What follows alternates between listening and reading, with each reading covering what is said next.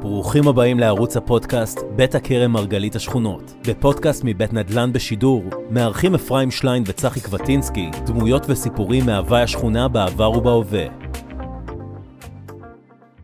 ברוכים הבאים לעוד פודקאסט של שכונת בית הכרם, הפודקאסט של אפרים שליין ושלי צחי קבטינסקי, שבא בעקבות הספר בית הכרם מרגלית השכונות שאפרים כתב, והיום אנחנו מארחים משהו שמאוד קרוב ללב שלי, משהו שברגע שאפרים הציע אותו, אני כבר מההצעה העליתי דמעות, זה שאנחנו מארחים פה משפחה שמעבר להיסטוריה השכונתית שלה, שתכף נשמע, יש לה גם היסטוריה אישית שלי. ויש לי היסטוריה, חוץ מאחות האחת, חוץ מאמימה בעצם, שלא היה לי קשר, אבל עם אברהם ועם עם אבא שלך ועם ראובן ועם פיוטה ועם שולמית, כל אחד תכף נספר את הסיפור, אבל זאת משפחה שורשית פה בשכונה, וכמו שאפרים תספר לנו, הסבא שלהם קבע את שם השכונה ויש על שמו את מעלות קדיש סילמן. אז תודה רבה משפחת סילמן שהצטרפתם, אתם כבר היום לא סילמן, אבל אתם בני משפחת סילמן וזה גאווה, ונמצאים איתנו, נלך לפי הגיל, כן? אשר פלשנר, שאימא שלו פיוטה הייתה המורה שלי, ונמצאת איתנו אסתר סיוון, שאבא שלה דוקטור ראובן סיוון, היה חבר, אפשר להגיד, חבר פה בשכונה, ואפרים כמובן. אז אפרים, אתה יודע, אני רוצה, לפני שאנחנו נפנה אליהם, אני רוצה שאתה יודע, אולי תתחיל בקטע, באנקדוטה ההיסטורית, שתספר קצת איך קשורה המשפחה הזאת, ודיברנו עליהם, אתה יודע, בפודקאסט הראשון דיברנו עליהם, תספר קצת מי זה משפחת סילמן, ומה הקשר לשכונה.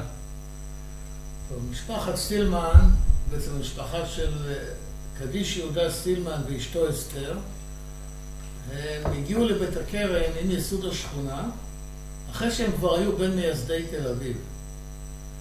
והם הגיעו גם לשלב שלפני אכלוס השכונה, היה צריך לקבוע את שם השכונה, ובעצם קדיש יהודה סילמן הוא זה שהוביל לקביעת השם של השכונה, בית הכרם. קודם לאגודה קראו בוני בית, וקדיש יהודה סילמן הציע באספת המתיישבים חודש לפני כניסת הדייר הראשון לגור, שזה ממש בתקופה הזאת לפני מאה שנים. אתה יכול לספר להם מי היה הדייר הראשון? לא, הדייר, עזוב, אנחנו עוסקים בסילמן. וקדיש יהודה סילמן ניהל ויכוח מול כרמון על השם בית הכרם.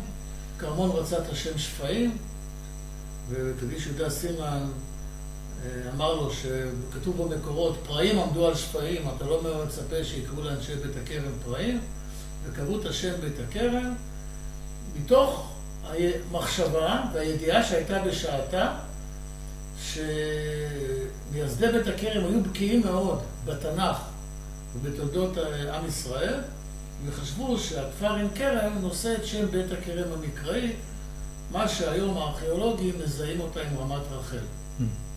אבל אז עין כרם, בית הכרם, וקדיש יהודה סילמן הוביל לקביעת השם בית. ויש פסוק, בנקודה הזאת, סילמן, לגבי בית הכרם כתוב, ועל בית הכרם שאו מסעת. זאת משהו חיובי, מתנה. במקביל לפרעים עמדו על שפיים, אז סילמן הביא פסוק חיובי שתומך בשם בית הכרם. עובדה שזה מה שתפס. אצלם גם היה הרבה מאוד שנים השם של עיתון בית ספר בית הכרם, עיתון התלמידים, קראו לו מסעד. מה שאני רוצה לומר, שאנשים כמו סילמן, שכל כך אהבו את השפה העברית, כל היום הראש שלהם היה בחידושי הלשון. ולא סתם בחידושי הלשון, אלא איך לקרב את הילדים לשפה העברית, ועל ידי חידות, סיפורים, כל מה שאפשר כדי שילד כל הזמן יעסוק בשפה העברית. במידה רבה זה גם עבר לילדים שלו, כמו שנשמע.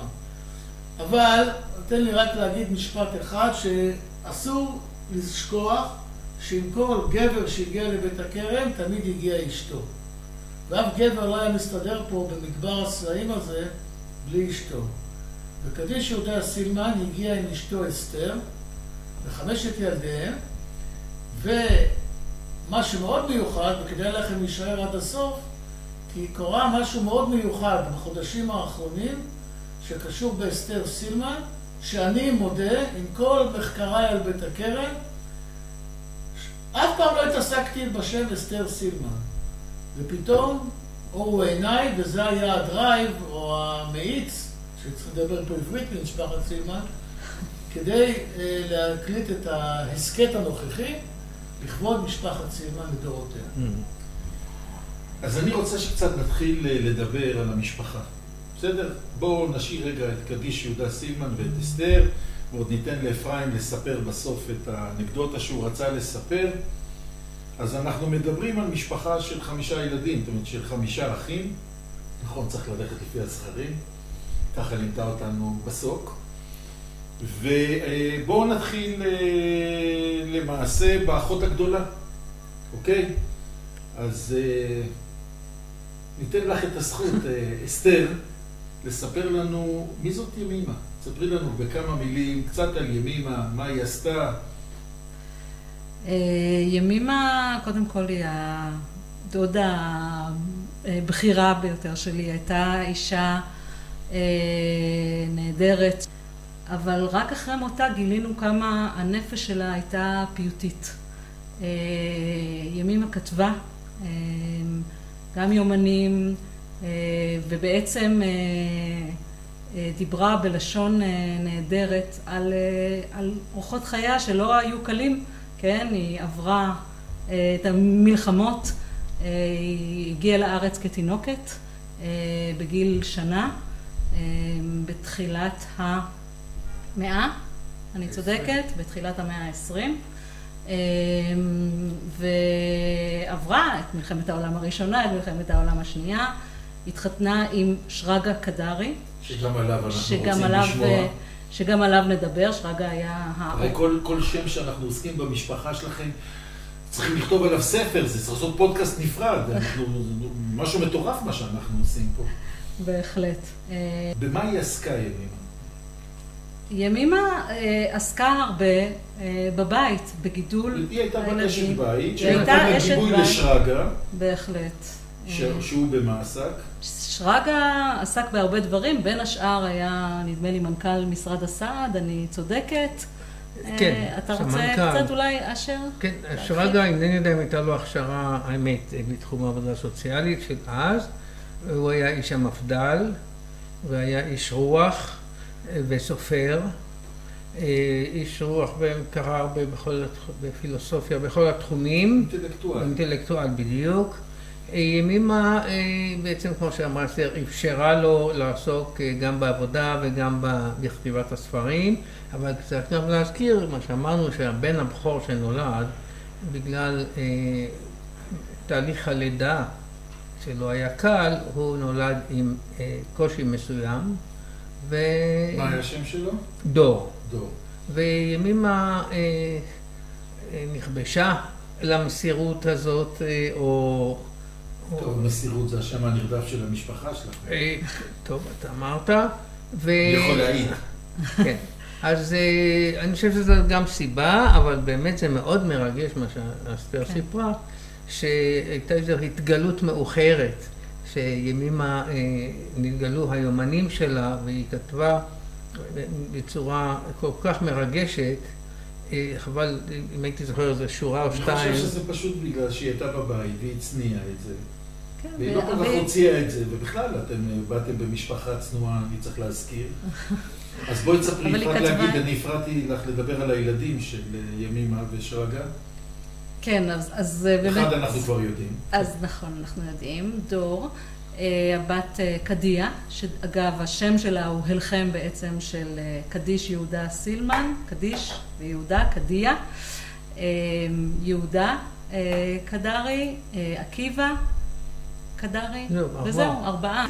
ארבעה, ארבעה אה, אנשים יקרים, כל אחד מהם אה, איש ואשת אשכולות בתחומו, חוקרים, מורים, אה, מלמדים, אה, באמת אה, כל אחד בתחום ידע אחר, אבל באמת ממשיכים, אם אפשר לומר, את המסורת המשפחתית.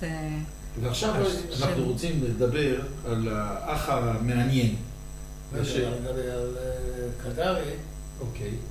שרגא קדרי, צריך להגיד שהוא עשה מפעל ייחודי. כן.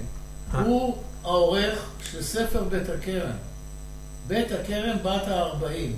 הספר הזה, שבעצם... זה רק, אתה אומר הזה, זה רק מי שרואה את רק היוטיוב. מי שרואה, הספר נקרא בית הכרם בת הארבעים, שוועד בית הכרם פירקו אותו אחרי שבית הכרם צורפה לעיריית ירושלים. אז אה, חנין המזרחי, יושב ראש הוועד, לקח את שרגא קדרי ונתן בידיו לערוך את הספר. שמספר את סיפור הקמת השכונה, את 40 שנותיה הראשונות. של פלא הקמת שכונת בית הכרם, מבוסס על הפרוטוקולים והדוחות של הוועד וכל החומר הארכיוני, וגם הרבה זיכרונות ורשימות שאנשים כתבו, וגם פעולת ההנצחה של החללים שמופיעים בגן העשרים. והספר הזה, הרבה מאוד שנים, היה לי כתנ"ך על תולדות בית הכרם. ולא רק לי, גם אנשים. היו שואלים אותי ברחוב, כתוב בספר בית הכרם ככה וככה. ובקיצור, מפעל שאין שני לו, ואני לא ידעתי ששרגא קדרי קשור לסילמן, מהמם. אבל אין משפחה ראויה יותר לערוך את ספר בית הכרם, כמו שהוא ערך אותו, שרגא קדרי, חתנו של קדיש יהודה סילמן. כן. מעולה. ואנחנו מגיעים לאברהם, שהוא האח היחידי שבעצם לא הלך אה, בדרכי הלשון, וגם לזה הבנתי שיש סיפור, אז אני אשמח ככה, אשר, אם תספר אה, מי היה אברהם שאותו הכרתי, כמי שהיה שכן כן. של סבתא וסבא שלי Mhm. בשדרות הרצל. כן. והיה איש מיוחד ומאוד אהבתי, אהבתי את כולם, אבל היה, הוא, הוא עסק בגינון, ובוא תספר לנו קצת עליו ואיך הוא הגיע לקטע הזה. טוב, אברהם אה, היה אה, אדם, אה, כמו שאמרת, צנוע אה, בהליכות.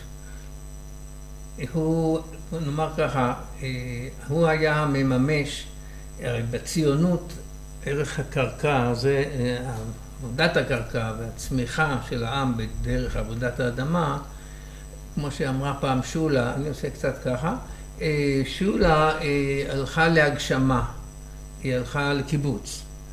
אימא שלי פיוטה, כשאתה אומר שולה, אתה מדבר על שולמית. שולמית בסוק. כן, ואימי פיוטה הלכה אה, להגשמה פחות, אה, יותר מתונה, הלכה למושבות, שבכל מושבה הייתה אז חצר, ויש לי מה לספר על החצרות שאני גדלתי בהן, אין לנו עכשיו אפשרות, והוא עד- היה באמת המגשים אה, של הקשר ועבודת האדמה במובן, אני לא יודע איזה, איזה מובנים הוא נתן לדברים, אבל אצלי זה מתחבר ל... לאלף, לגורדון, כל העניין הזה של דת העבודה, עבודת האדמה, שאני גם מרגיש משהו מזה. מה, אה, באמת, אה, לעבוד את האדמה זה לעבוד את, ה, את התבל ואת האל, יש בזה משהו. אנחנו יודעים משהו שהוא כן. לקח את זה. כן. לא כמו שאיזה מישהו, איזה פלאח עובד גנן כזה. נכון. הוא, הוא ראה את זה כמשימת חיים. כן. נכון? כן. קודם כל, איזה תפקידים הוא מילא בתפקיד הזה כגנן? רגע, קודם אולי כדאי להוסיף כן, שהוא כן. למד במקווה ישראל. כן, כלומר, נכון. אה, בעוד האבי ופיוטה אה, למדו בסמינר למורים וכולי, הוא נשלח אה, ללמוד במקווה ישראל ולמד שם וחזר את באמת הקדמת אותי לירושלים. בשאלה, בגלל כן. שאחד הדברים, אחרי שהתפקיד, זה, זה להראות שלא עשו כל דבר, זה חלק ממה ששאלתי, שלא עשו דברים כלאחר יד. זה לא Mm. ללכת לקחת מכוש ומהדר וללכת כן. לעדור בגינה, כן. אלא אם עושים, אז כן. לעשות את זה עם ידע והבנה, ואני בטוח שזה בא מהחינוך מהבית והכל, וזה המאפיינים של כל כן. המשפחה. אז את אומרת, הוא, הוא, את אומרת שהוא למד, ו- ופה איזה תפקידים היו לו ב- ב- כגנן? הוא לא היה סתם איזה גנן שהולך רק לגיל הערוגות. קודם כל אני חייב לומר, סליחה, שאני רק, תספרי לך קצת סיפור, ש- אה, מותו זה משהו נורא. אה, הוא, הוא, הוא למד גם, זאת אומרת, הוא היה גנן שקרא ספרות מקצועית של חקלאות והתפתח. זאת אומרת, הוא היה גם... משהו איש- היה יסודי. כן, גם צד העיוני, בשירות המעשה נקרא לזה כך, אבל אני חייב גם להגיד שלפי מה שאני יודע, גם בבית אברהם סילמן העברית הייתה מאוד חשובה, והעברית הנכונה והעברית העשירה. עד היום אצל הבנים שלו אני רואה אה, ביטויים להשקעה, לא באלף במקרה הזה, שהוא השקע, אלא השקעה שהוא אה, השקיע בבנים בלשונם. ומאוד- בבנות, בבנים. אני זוכר את זה בבנות. שהוא היה שכן של סבתא וסבא, כן. בשיחות איתו, כן, אבל הוא היה בעצם הגנן, הראשי של- גנן הגנן הראשי. של עיריית של ירושלים, עיריית והוא... אה, נכון. אה, הרבה גינות אנחנו יכולים להודות היום, כשאנחנו עוברים ורואים את הפינות הירוקות בירושלים, אנחנו יכולים להודות בין השאר לאברהם.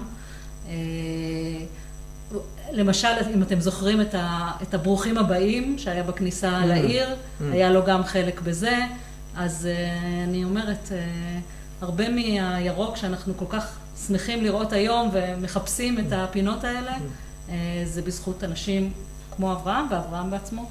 כן. אני חושב שאני זוכר, שאני זוכר אותו שנייה לפני שאני אתן לך לדבר עליו, אני זוכר זה, היום אם מישהו היה צריך ללכת עם כל הציוד שהוא היה, שהוא כן. היה הולך עליו, הוא הוא היה היה לוקח טרקטור ו- ועוד עגלה נכון. מאחורה, הוא היה הולך עם מעיל. כזה, עם כן. מעיל כזה, והיה עליו את כל הציוד, כן. עם הכובע קסקט שלו, כן. נכון. והיה הולך, והוא היה שקט. והמזמרה. כן, כן, ואז, אה, הוא היה איש כן, שקט, שקט, כן. שקט. כן, היה עובר ב...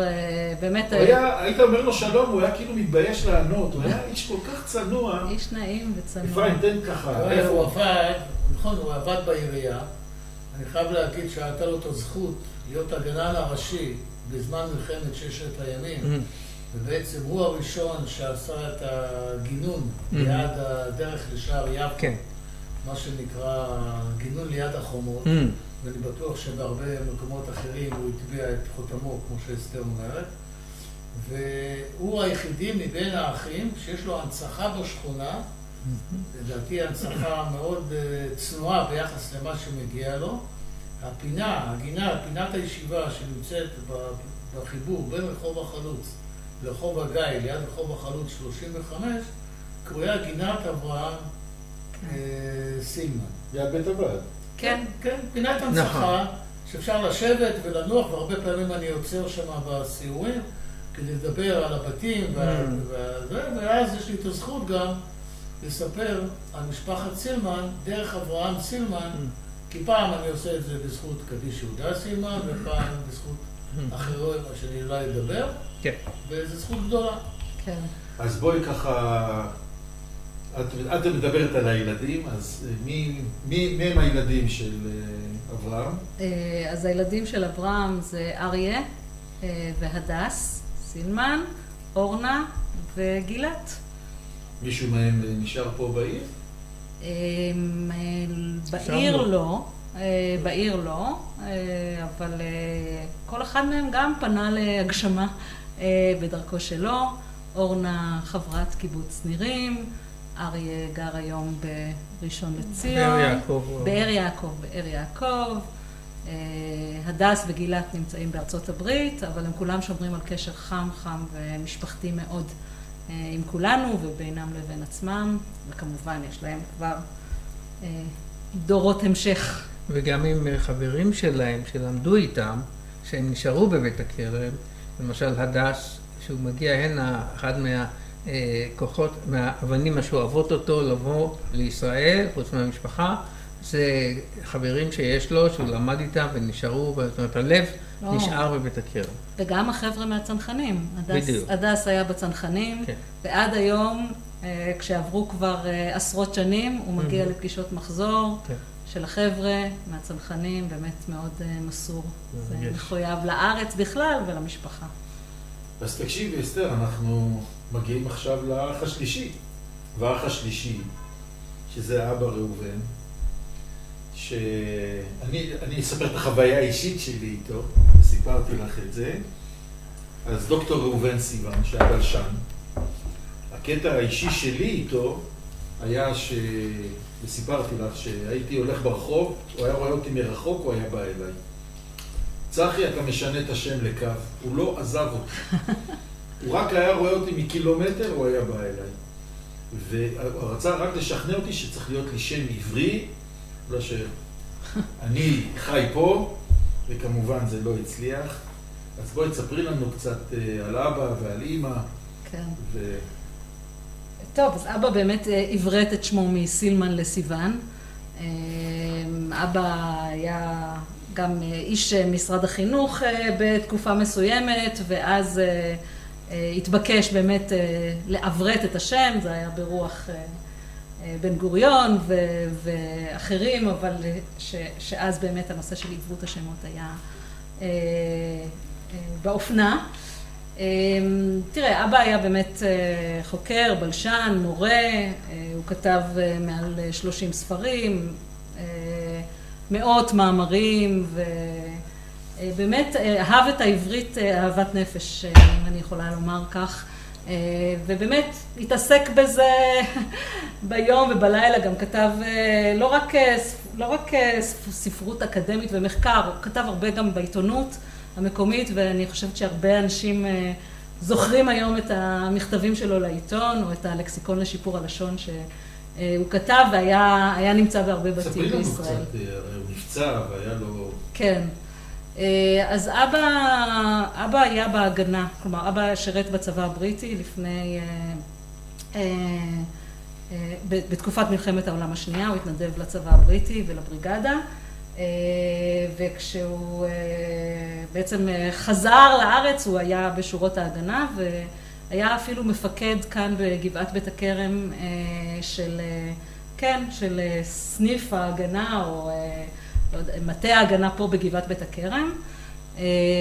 הוא נסע במסגרת התפקיד שלו על אופניים מכאן ועד לאזור הדוידקה, להביא ציוד כלשהו, וכשהוא הגיע לאזור הדוידקה, נורה עליו ועל אחרים פגז ירדני, שפצע אותו פציעה מאוד מאוד קשה. זאת אומרת, היה בהתחלה ספק אפילו אם הוא יישאר חי.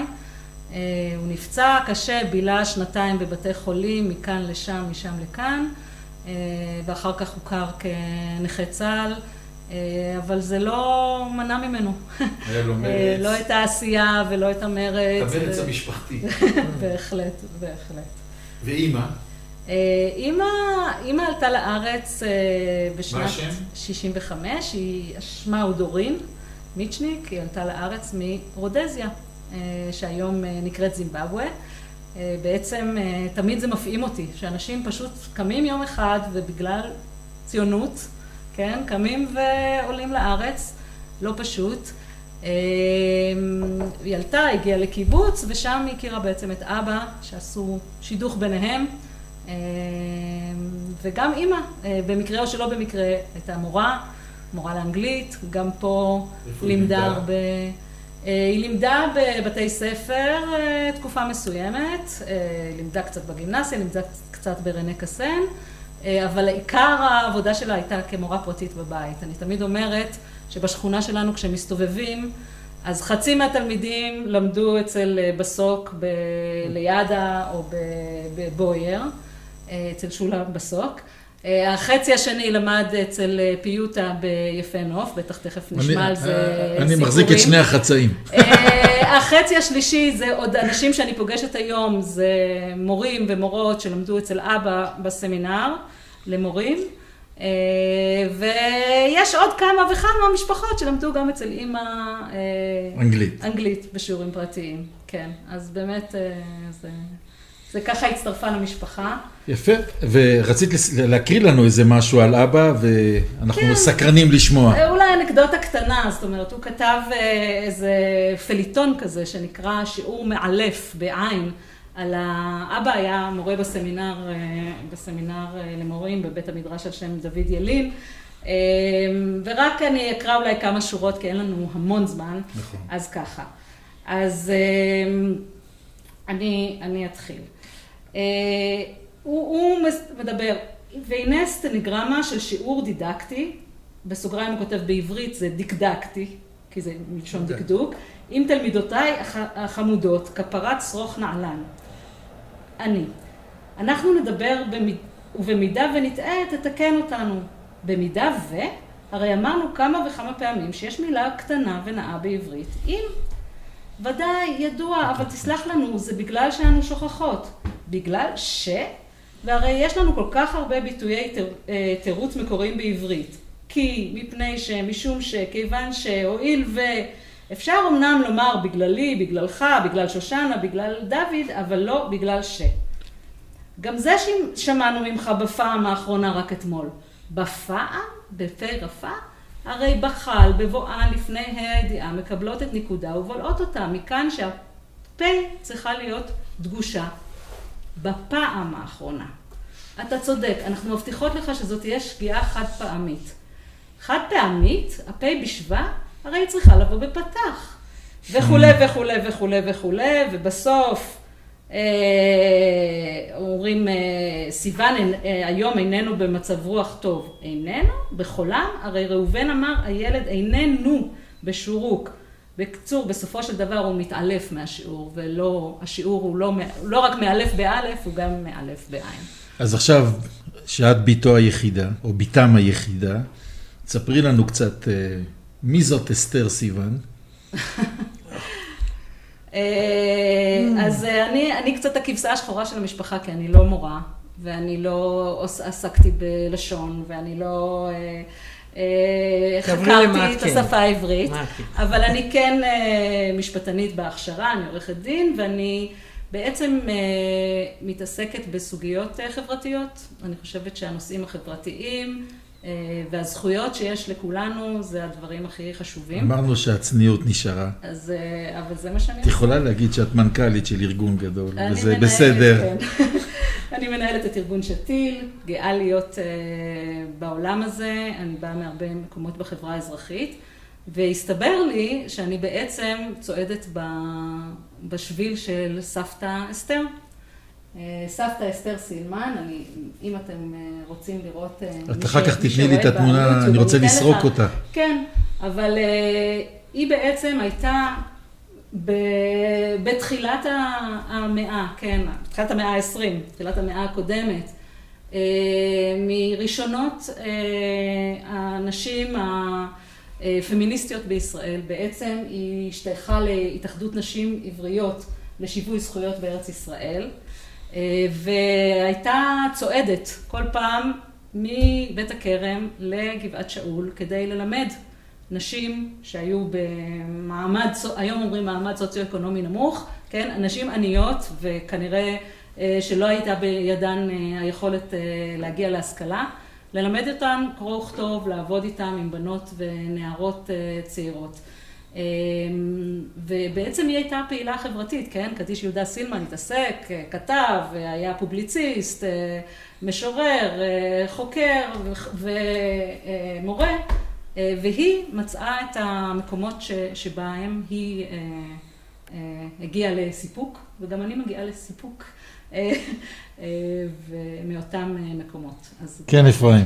אני רוצה לומר שאנחנו יושבים פה ומקליטים הסכת על בית הכרם, כי יש לנו... אתה מבין, עד שהכרנו אותם זה היה פודקאסט. עד פודקאסט, כן, אבל אני אומר, אה, כי בשבילנו, כשאומרים לנו את המילה בית הכרם, יש לנו איזו פריטה בלב של איזה מיתר מיוחד, שבעצם אה, אנחנו גם נפיץ את התוכן שלו, ואנחנו מביאים את זה לידיעת אנשים שגם הם מאזינים בזכות זה שהמילה בית הכרם מאוד מאוד רגישה ומעוררת אותם.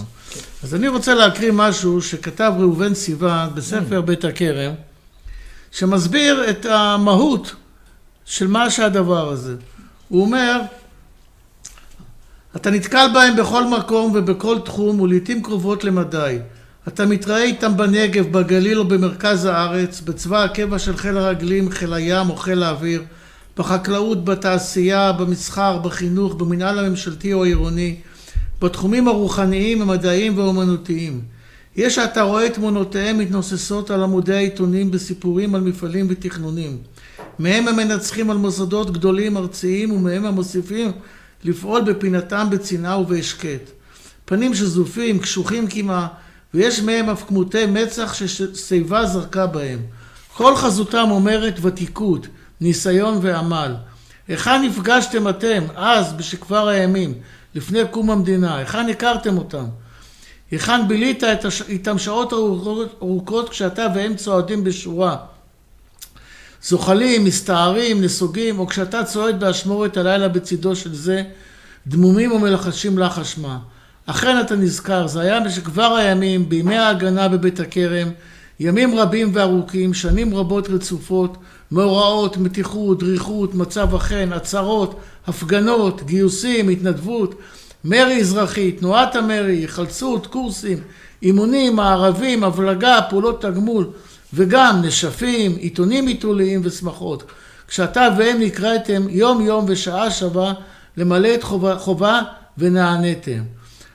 אך בתחומו הפנימי של כל אחד ואחד מאלה חבוי הזיכרון המשותף, שמורה ההוויה ההדדית של אותם הימים, הימים בבית הכרם.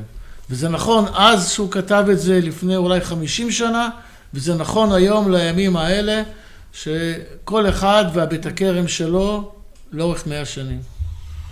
טוב, ואנחנו ממשיכים, ועכשיו אנחנו מגיעים אה, אני חושב שלראשונה שהכרתי, לאישה הראשונה שהכרתי ממשפחת סילמן, ובטח יהיה לי דמעות שאני אדבר על זה, ואני, הנה, יש לי כבר. ואני מתרגש, כן, אני מדבר על פיוטה. ופיוטה שהבן שלה, אשר, כאן נמצא איתנו. שאני הגעתי בשנת 65 לבית ספר יפה נוף, לבית הספר יפה נוף, וחזרתי הביתה אחרי יום הלימודים הראשון, אמרתי לאימא שלי שעכשיו יש לי שתי אימהות. וזכיתי במורה שלימדה אותנו שנתיים אה, כמחנכת, שמעבר, ל, אני חושב, להשפעה אחת הכי גדולות שהיו בחיים שלי למורה עליי, אה, זכיתי באמת לאישה מיוחדת להכיר, שאהבתי אותה אהבת נפש. ו... שגם שהקמתי את ה... שעבדתי, שהייתי בבית ספר יפה נוף, אה, שהבת שלי, בת הזקונים שלי למדה שם, והקמתי איזה דף פייסבוק של בית הספר, אז התמונה הראשונה שמה, זה התמונה שאני יושב עם פיוטה ועם טירקל, שהיה מנהל בית הספר, ואשר, אה, כבר, אתה יודע, אנחנו מזמן, אנחנו כן. פיזית הכרנו רק עכשיו, אנחנו מזמן מתכתבים ומתרגשים כן. כל פעם. אז אה, ספר לנו קצת אה, על אימא ועל אבא כמובן. טוב, זה הכל צריך חוכמת הצמצום במידה ש, של חוכמה שאני לא מוכן, לא יכול לממש אותה. אני אגיד דבר או שניים.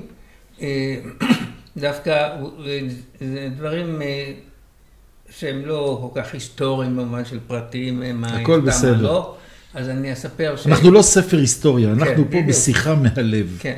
אז המקום הראשון שאימא עבדה היה במושבה בנימינה, היא עבדה שם עשר שנים, ואחד הדברים שהיא סיפרה, שאני זוכר עד היום, שהבנות, הילדים, הילדות בבית הספר, היו באים בבוקר אל הדירה של המורה, כדי ללוות אותה לבית הספר, ועשרה ילדים, עשר אצבעות לי יש, כל ילד קיבל אצבע, ועשרה ילדים היו הולכים איתה לבית הספר. זו תמונה יפה שמאוד נחרטה בליבי.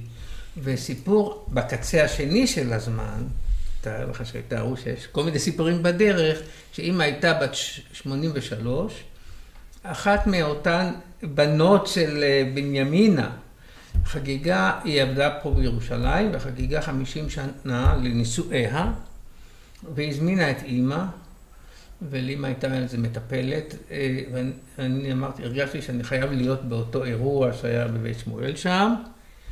ואיתה, כן, במקום המטפלת. אה, אז כשנכנסנו, אני לא אשכח את זה, עם כיסא גלגלים עם הייתה, והיו שם אה, אנשים מהמחזור של, של המזמינה, בני 70 בערך, ההפרש בינה לאמא, וברגע שהם ראו אותה, הם, היו, הם, הם רצו, כל בני ה-70 רצו מהר לחבק אותה, לנשק אותה. וואו. אני חושב ש... איך לא? כן, אז ככה, כן. הדברים מדברים בעד עצמם. היא הייתה אישה שאני יכול, בתיאור שלה זה 90 אחוז לב. זה, זה, זה משהו, זה כאילו לב גדול שהולך. אה, וגם תרקל אמר עליה בסיום, גם, יש הרבה דברים, ש... אה, התגלמות, יש לי פה בזה גם, ראיתי התגלמותה של מחנכת, בעבודת החינוך ראית עבודת קודש. חד זה משמעית. ציטוט מה... כן. זה שאתה מכיר, אתה אז פעם ראית את זה, אולי לא כן. יש לך עכשיו, אבל זה יכול להיות גם חומר. אז זהו, זה בקשר לזה. עכשיו, אה, אבא גם, כמה מילים. בוודאי. כן. אז אבא, אימא ואבא הכירו בבנימינה, הוא בא גם לעבוד שם, זוג מורים, אה, ואחר כך וכולי, הם עשו, הגיעו ליבנאל, ואחר כך לנס ציונה, שבה אני גדלתי, כמו שאמרתי, מושבות, עם חצר, עם לול, עם כלב, עם נחש, עם חפרפרת, עם כל מיני דברים שהיו. אבא מאוד אהב את עבודת האדמה, מה שאין לי זמן לספר. בכלל, אני חושב שהוא היה, לדעתי... אמרתי לך שאם אנחנו צריכים כן. לספר את הכל, אז- אנחנו צריכים לעשות עשרה פרקים על משפחת לדעתי צריך. לעשות פודקאסט, אם אתה תרצה לעשות על משפחת פלשנר, פיוט. נעשה. מתעורר לי החשק ככה, אה, לא הלילה, זה סיפור עם לחלוכיות, אנחנו נעשה. אבל בוא, אבא אבא אחר כך היה מנהל בית ספר. אבא עוד מה... מה- כשנוסדה המדינה, לא היו עוד, האוכלוסייה עוד לא הייתה עלייה, הוא נבחר להיות מנהל, זה היה די נדיר, אחר כך הוא עבר לנס ציונה, והיינו על יד המעברה גדולה, מעברת נס ציונה, בית הספר הכיל את כל ילדי המעברה, ואני זוכר שהיו שתי משמרות בלימודים, שלוש משמרות אפילו של לימודים, אתה יודע, בוקר, צהריים וערב, לנהל את כל העסק הזה, ובאמת ברוח ציונית וברוח של עזרה הדדית, אספר סיפור בשורה. אני זוכר שבשבת ראיתי פתאום מורה אחת יורדת מה... שגרה ברחובות, לא בנס ציונה, יורדת מהמונית בשבת והולכת להיות תורנית בהתנדבות בבית הספר במשחקייה שאבא הפעיל בשבת בבוקר. הוא אמר, ילדים מסתובבים, מסתובבים, ניתן להם משחקייה. אבל מה שהעניין האמנותי, שאני זוכר שבאותו רגע אמרתי לעצמי, תראה איפה אתה חי. יש רגעים של מודעות. המורה הזאת, בשבת, באה מנס... מראשון, מרחובות לנס ציונה, בהתנדבות. ל... זה, זה ממחיש את ה... כל הפרויקט היה פרויקט התנדבותי. ו... את המסירות. המסירות, זה, זה היה באמת... אבל זו מסירות שכנראה אבא שלך הדביק אותה, אבל מעבר כן, לזה כן. שהיה בה גם את זה. כן, כן, הם, הם באמת היו זוג שפעלו הרבה יחד ועשו הרבה יחד, והיו גם קרובים בהשקפה החינוכית, ויש עוד הרבה, הרבה מה לספר. אבל בוא תספר לנו עכשיו, אתה יודע, כן. תמיד מעניין אותנו גם על הילדים, אז יש כן. אותך ויש את אה, יהודה, נכון? יהודה, כן. אז... אה, ראית, הייתי בסדר, אמרתי יהודה, כן. מנוקד, הוא נכון. גם אומר, אגב, יהודה, אחי עצמו. כן. אה, אתה במה עסקת? אני, אני עסקתי ב... בהכשרה ייעוץ חינוכי, למדתי גם תחומי מן דיסציפלינות. הסתם, קשור להוראה. כן, ובעיקר לימדתי במכללה להכשרת מורים, שהגעתי אליה בדרך מקרה, אחווה. אני גם עבדתי בפריפריות, בקריית שמונה, באחווה וכולי, וזה לימדתי שם בעיקר. ב... ב... ויהודה? יהודה הוא אה, חוקר, היה, הוא גם בפנסיה כבר, ב- במכון אה, מחקר ביולוגי בנס ציונה. או, כיוון אחר. לגמרי. כן, כן, אבל... יפה, אז אה, אנחנו מדלגים ישר לאחות האחרונה, לשולמית, וכשאני אומר את השם שולמית, אני, עולה לי ישר המשפט, שני דליי זהה. למה? בגלל ששולמית לימדה אותנו ללשון, כן. לבגרות בליד האוניברסיטה. כן. אותך היא לא לימדה, נכון? הרגשתי, לכן היו לך עוד כמה טעויות עכשיו. יפה. והיא הייתה, כמו כל המשפחה, עם כן. מרץ אה, שאי אפשר לתאר כן. אותו, והיא הייתה נכנסת לכיתה ועומדת, שני דליי זהה, אני רוצה לראות שני דליי זהה. והיא הייתה נותנת מעצמה, והייתה גם אה, מזמינה אותנו אליה הביתה, למי שהיה צריך, והיא הייתה גרה לא רחוק מאיתנו. אז אסתר ככה, תספרי לנו קצת על אה, שולמית ועל המשפחה. כן, אז אה, באמת אה, בשבילי היא הייתה דודה שולה, אה, אבל באמת באמת בשביל דורות של אה, תלמידים היא הייתה המורה הנערצת אה, לא, ללשון. לא יודע אם מישהו פעם נכשל במבחן שהיא לימדה אותו, שהיא לימדה את הכיתה שלו. אי אפשר היה להיכשל, היא כל כך שמה לב גם לאנשים, זה, זה לא יאומן. כן, היא השקיעה בח- גם בתלמידים וגם בשיעורים, כל פעם כאילו זה היה השיעור הראשון, כן? היא באמת הייתה מסורה בצורה בלתי בלתי רגילה, אה, גם לתלמידים, גם לחומר שאותו היא לימדה. האישה הזאת ידעה אה, אה, את התנ"ך, אני חושבת, בעל פה. באמת, זה הדור של, של פעם, ש... תנ"ך, שירה, שירה עברית לסוגיה, אה, באמת היה לה בית אה, עמוס ספרים, קצת כמו הבית שלנו, אה, המון המון ספרי שירה, היא תמיד ככה, אפילו המתנות הכי משמעותיות שהיא נתנה, אני חושבת שהיו ספרים, כן? ספרי, איזה פרק, איזה ציטוט. אה, וגם בזקנתה, כשהיא כבר הייתה באמת, כשהגוף אה, כבר אה, בגד, ועד ה... ממש החודשים או השבועות האחרונים, כשהיא כבר נפטרה בגיל מאוד מבוגר, עדיין הייתה מצטטת פסוקים וציטוטים מהשירה העברית. באמת אישה מיוחדת במינה, שגם החיים שלה באמת גם לא היו קלים, אני חושבת, התמודדה אה, הרבה התמודדויות, הייתה אלמנה הרבה שנים, גידלה אה, ילדים, אה, וגם אה, בריאותית, לא הייתה האישה הכי אה, חזקה, אה, אבל אה, בהחלט... אה, אבל תמיד אפשר היה לראות, כשהייתי רואה אותה ברחוב הולכת, תמיד היא הייתה בקצב, כן. ו- ואי אפשר היה לעצור אותה, ו- ותמיד היא הייתה ערנית לסביבה, אז אמרת אלמנה, אז כן. בואי תספרי לנו קצת על משה בסוק. אה, אני, אני רוצה להוסיף לעניין הקודם, שהיא גם עס- עסקה המון המון בהתנדבות, כן? היא לימדה בהתנדבות אה, עולים חדשים, שגם היו באים אליה לבית הקטן מדהים. ברחוב שליין. אה, הדירה... שליין שש. שליין שש, כן, כן. אני נולדתי בשליין שלוש, ויש לנו כאן את הנכד של שליין. אכן, אכן. אז אה, באמת היא אה, עסקה ב... אה, באמת בהתנדבות, וכל שעות היום היית יכול לראות אותה, יום אחד יושבת עם זאת, ויום אחד יושבת עם ההוא, וגם... את יודעת שהיינו יכולים ללכת ברחוב. ולשאול אותה שאלות אם לא היינו מבינים? היינו רואים אותה ברחוב, היא הייתה עונה לנו. תמיד היה לה סבלנות. כן. זה היה מדהים. כן. אז ספרי לנו על משה. אז משה, אה, אני לא זכיתי להכירו, אבל משה היה אה, משורר ועורך, אה, באמת איש, גם איש ספר, וגם, ה, אני חייבת לומר שהילדים של שולמית ומשה ירשו מההורים שלהם באמת גם את אהבת העברית. אז תני לנו שתי מילים על. הילדים. אז עידו בסוק, דוקטור עידו בסוק? כן, כן. כן, דוקטור עידו בסוק. אה, הוא אה, מתרגם, ממש אה, מתרגם וסופר בחסד עליון, גם משורר, גם כתב שירה. היום הוא מתעסק בעיקר בביוגרפיות מרתקות. לאחרונה יצאה ביוגרפיה שלו על עמיחי, יהודה עמיחי, על שבתאי, לפני כן על צ'רניחובסקי. זה באמת המפעל חיים שלו, אם אפשר לומר ככה, בשנים האחרונות.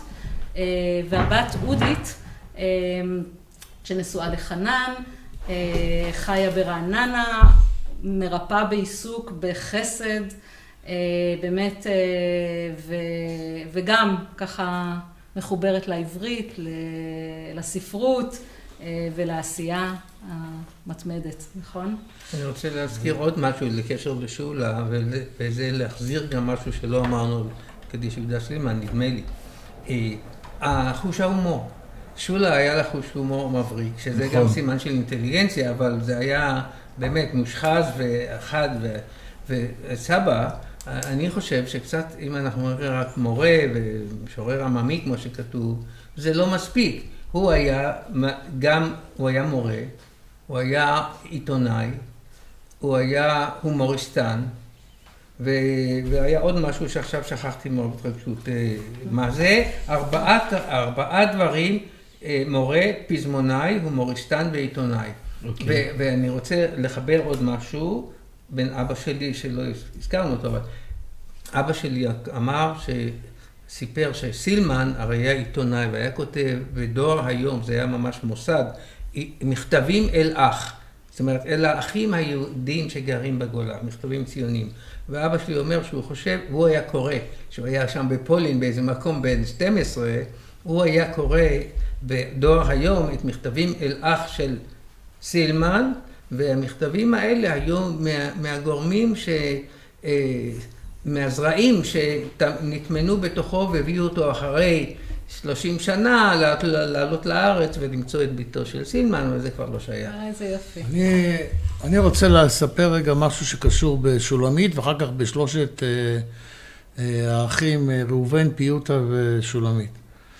אני לא למד, אני למדתי בליעדה, בכיתה י' כבר לא למדנו ביחד צחי, ולי הייתה מורה לדקדוק אחרת, אבל אחרי היום הראשון של הלימודים, באו אליי חברים ואמרו לי, תשמע, יש לנו מורה שעוברת על רשימת התלמידים, ולכל מי שיש לו איזה שם, היא אומרת לו, אתה בית הכרמי? זאת אומרת, היא ידעה לזהות אה, את היוחסין של התלמידים כבר מהשיעור הראשון, ולתת לכולם את היחס האישי, אבל יותר אישי לבית הכרמי. כן. דבר שני, אה, בשנים האחרונות, שאני עורך סיורים בשכונה, כן. אני תופר אותם לפי מי שמבקש את הסיור. אני אומר לו, עולה, תגידו לי איפה גרתם, איזה אנשים לימדו אתכם, איפה למדתם, עם מי למדתם. כן. אני מוציא להם ככה סיור, תפור להם. לפני איזה שנה התקשר אליי אוריאל בן דוד. אתה מכיר אותו, מחור ברכיהו. מחור ברכיהו שמונה. שמונה. ואני מכיר את אחיו, אבל אני... הוא צעיר, הוא יליד 61, אתם לא... אבל הוא חגג 60. ואני אומר לו, טוב, תגיד לי, איפה אתה רוצה? והוא גם אה, מושך אותי יותר לגזרה של רחוב ברכיהו, ולרחוב הסוללים, ושמעת הפועלים, וכל הדברים. אבל הוא אומר, תשמע, אני רוצה שנלך לבית של שולמית בסוק. ואני הבאתי את כל הקבוצה לחוב שליין 6, ויש שם קבוצת עצים בכניסה לבניין. פעם ראשונה שנכנסתי לחצר של פרטית של מישהו, ואני עומד, ושם אני מספר על אה, שולמית בסוק, ובדיוק הרושם הזה שהוא היה בא אליה, לא כמורה בתיכון, כן. אלא כלהשלים את החומר. אצלה בבית, עם הלב הרחב שלה לתלמידים, וכל הזמן שהיא נתנה לתלמידים, זה משהו שפתאום כל הקבוצה של החברים שלו, איך אומרים, התחברו לדמות הזאת ולסיפור הזה mm-hmm. של שולמית בסוק, ואז דרך זה כבר הכנסתי את קדיש יהודה סילמן ואת כל סיפורי mm-hmm. משפחת סילמן בזכות שולמית בסוק. אבל, צחי, תקשיב. לפני שלושים שנה פעלנו לשמר את בית הוועד, שזה בעצם הקטליזטור לכל הפעילות שלנו עכשיו. Mm-hmm. ושלושת האחים, כי אמרת צריך לדבר אחים, אם יש זכר, כן? ראובן סיוון, פיוטה פלשנר ושולמית בסוק, כמה שהם נמוכים, הם היו מהנמרצים לאסוף את בני בית הכרם לאורך כל השנים. גם כאלה שהיו פה בתור ילדים וגם כאלה שליוו אותם כל החיים, כי הם גרו פה לפני שלושים שנה. וגם להביא חומר, חומר הארכיוני שהיה להם בבוידם, בבית, תמונות ו... עד עכשיו יש בבית הוועד תמונות, שזה ממש אה, פיוטה הביאה לנו ואמרה הנה התמונות, והיא אפילו הייתה מוכנה בניגוד לאחרים לתת את החומר המקורי, רק שיהיה לטובת כלל השכונה ותרומתם של האחים לבית סילמן, למפעל הזה של בית הכרם והמורשת של בית הכרם, לא יסולא בפז. אז אני אזכיר ששמת לב שאני חוטף מחטפים, כי אני מתאים את עצמי לסביבה. גבולות הזמן. אימא באמת, אה, גם היא אחרי שהיא פרשה, התנדבה בכל מיני צורות, עם ילדים נטושים שהיו בו באיזה, ליד איזה בניין פה גדול, אה, וגם בבית הוועד אה, של ה... איך נקרא לזה, הזקנים במרכאות, היא בעצם נחתה את, את הקבוצה בתקופה של כמה וכמה שנים. ההתנדבות באמת היה, אני חושב שגם מכנה משותף, וגם כן. רוח של הזמנים ההם, אנשים אה, לא חשבו רק על עצמם, מה לעשות. לא, וגם אתה, אשר, ירשת ממנה כנראה, או גם מאבא. אה, את הרוח הזאת של התנדבות, של עזרה אה, לילדים. אבל כרגיל הוא צנוע ולא סיפר. כן, הוא לא מספר לא, על עצמו. גם את לא סיפרת. אני מספרת עליו. לא, בגלל זה אני אמרתי צריך... פוסט... אה, זה אני אמרתי, אשר- נוכל לספר על עצמי. אשר, אנחנו כבר אמרנו בצחוק. קודם, לא, זה לא בצחוק, הכל רציני, שעליכם כל אחד אפשר לכתוב ספר או אנציקלופדיה על כל אחד מהמשפחה ולעשות פודקאסט אה, בנפרד. אז אה, בני, בני ובנות משפחת סילמן, כן. עוד משהו, צחי. אמרתי, התחייבתי בהתחלה לחזור לאסתר סילמן. ובעצם, בשנה האחרונה יש יוזמה של עיריית ירושלים להנציח נשים בשכונות. ויצא קול קורא באמצעות המינהל הקהילתי להמליץ על נשים שיונצחו בשכונה. הכלל היה, אם אני זוכר, שמישהי שפעלה למען השכונה או המדינה, מישהי שהלכה לעולמה, ומישהי שלא מונצחת במקומות אחרים. פנו אליי ואמרו לי, אפרים, בוא תהיה בוועדה. אמרתי לו, תקשיבו, יש דברים שגם יש טובים ממני שיחליטו, ושיהיה הוגן. אבל בכל זאת חזרו אליי ואמרו לי, יש בין השמות גם את אסתר סילמן. ואני תפסתי את הראש ואמרתי, מאיפה הביאו את ההמלצה על אסתר סילמן? מי, מי פתאום מעורר את התרומה שלה? אני לא יודע מי עשה את זה. אני יודע אבל, שמועה שמעתי, שהיא עלתה מה שנקרא לגמר. בין שש אנשים שיונצחו בשכונה באמצעות אה, תמונה ולוח שיוצבו ב- על, ב- על מבנה ציבורי בשכונה. אין כל כך מבנים ציבוריים שאפשר לשים, אז אולי זה יהיה במינהל הקהילתי, אולי בבית הוועד, אולי בסמינר, עוד לא... הפרויקט עוד לא הסתיים, אבל הודלף לי, כן, לא על ידי העירייה, מה כתבו על אסתר הדסה סילמן לבית כהן. עכשיו שנבין, היא נפטרה ב-1943, לפני 80 שנה, ותראה איזה זכות גדולה שעכשיו פועלים להנצחה שלה. זה דבר שהוא לא רגיל. ואסתר סיוון, שהיא קרויה על שמה, היא כבר סיפרה שהיא אה, פעלה במרץ בגבעת שאול ללמד שם קרוא וכתוב, ובמבצע כופר היישוב תרמה את תכשיטיה למען ביטחון היישוב, וגם בזקנתה לא הפכה אסתר אדישה. בשנת חייה האחרונה השתתפה בהפגנה סוערת נגד הספר הלבן. אז תראה, זכתה, דבר ראשון, במשפחה מופלאה. הרי לא רק קדיש יהודה חינך את הילדים, אלא גם האימא. כן. דבר שני, היא זכתה שזוכרים אותה.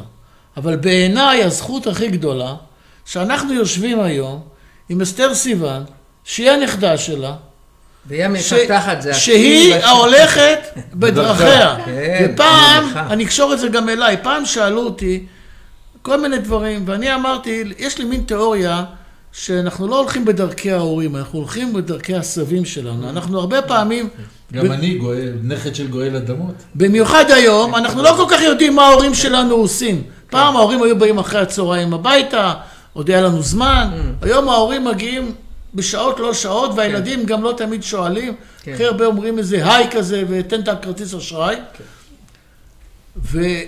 והזכות הזאת היא לעסוק במה שהסבים שלנו עשו, כן. זה הזכות הכי גדולה, ואני מברך את אסתר, ומתרגש שאת עוסקת במה שסבתא שלך עסקה. עוסקת בגדול. תודה רבה, אין מה- תודה. אין מה, על אסתר אפשר, באמת, אני לא מחמיא לכל אדם. אה, אפשר לספר עליה סיפורים, כל החיים שלה, כל, זה לא רק שתיל. אה, היא שותלת, זה קצת קשור ה- ההחלטה האסטרטגית, אמרתי את זה פעם שעברה, אני לא יכול לא להגיד את זה כל פעם שאני בסדר. מדבר. יש הרבה עורכי דין שהם אה, מרוויחים ומותר להם. אסתר החליטה בשלב מסוים, אה, ראשוני, אני אנצל את הידע והסמכות והמעמד שלי לטובת המוחלשים, כמו שקוראים היום. ומאז היא היא עברה בכ- בכמה ארגונים, בכל ארגון הקדישה איזה שבע, שמונה שנים, ו- ו- ואני חושב שמגיע לה, אה, לא לא אוהב את המגיע לפרס, אבל היא עשתה עבודה מהווה, אוקיי. נכדה מפוארת ומפארת תודה רבה, תודה. רבה. משפחת סילמן, אני רק- אה. אני רק אומר שאנחנו מקליטים את ההסכת הזה מאוד סמוך ליום האישה הבינלאומי. Mm. אה, וזה אולי אה. לכבוד אה, זכויות הנשים במשפחה שלנו בכלל. שכנעת אותי. אז משפחת סילמן היקרה. זה ההסכת או הפודקאסט הכי ארוך שאני עשיתי אי פעם. וכנראה שלא בכדי, בגלל שכנראה יש באמת הרבה מה להגיד. אז תודה רבה שהקדשתם לנו את הערב הזה, ואני אגלה לכולם שזה ערב שני, בגלל שאנחנו עשינו גם ערב הכנה, בדרך כלל זה חצי שעה הכנה, במקרה שלנו הייתה הכנה הרבה יותר משמעותית. ותודה רבה שהקדשתם לנו את הערב, ואפרים, תודה רבה על היוזמה ועל הסיפור ועל ההיסטוריה. ואפרים, אנחנו נמשיך לפודקאסטים הבאים או להסכתים הבאים, ואנחנו נשמור על קשר. תודה, תודה לכם, תודה תודה לכם, באמת באמת. מפעלים אה, פשוט, אה, ש- איך אומרים, יקרים מפז, לא יסבלו בפז, כי בעיקר בתקופה הזאת שלנו, שכמו שאמרת, ההיסטוריה מתרחקת, הדברים כבר נשכחים, לחיות מחדש, לחיות, ולהציב את האתגרים שהדורות הקודמים הציבו לעצמם כאתגרים גם לדורות האלה. בהחלט. ואצלנו גם זה סגירת מעגל. כן, וגם אצלנו. תודה רבה. תודה רבה.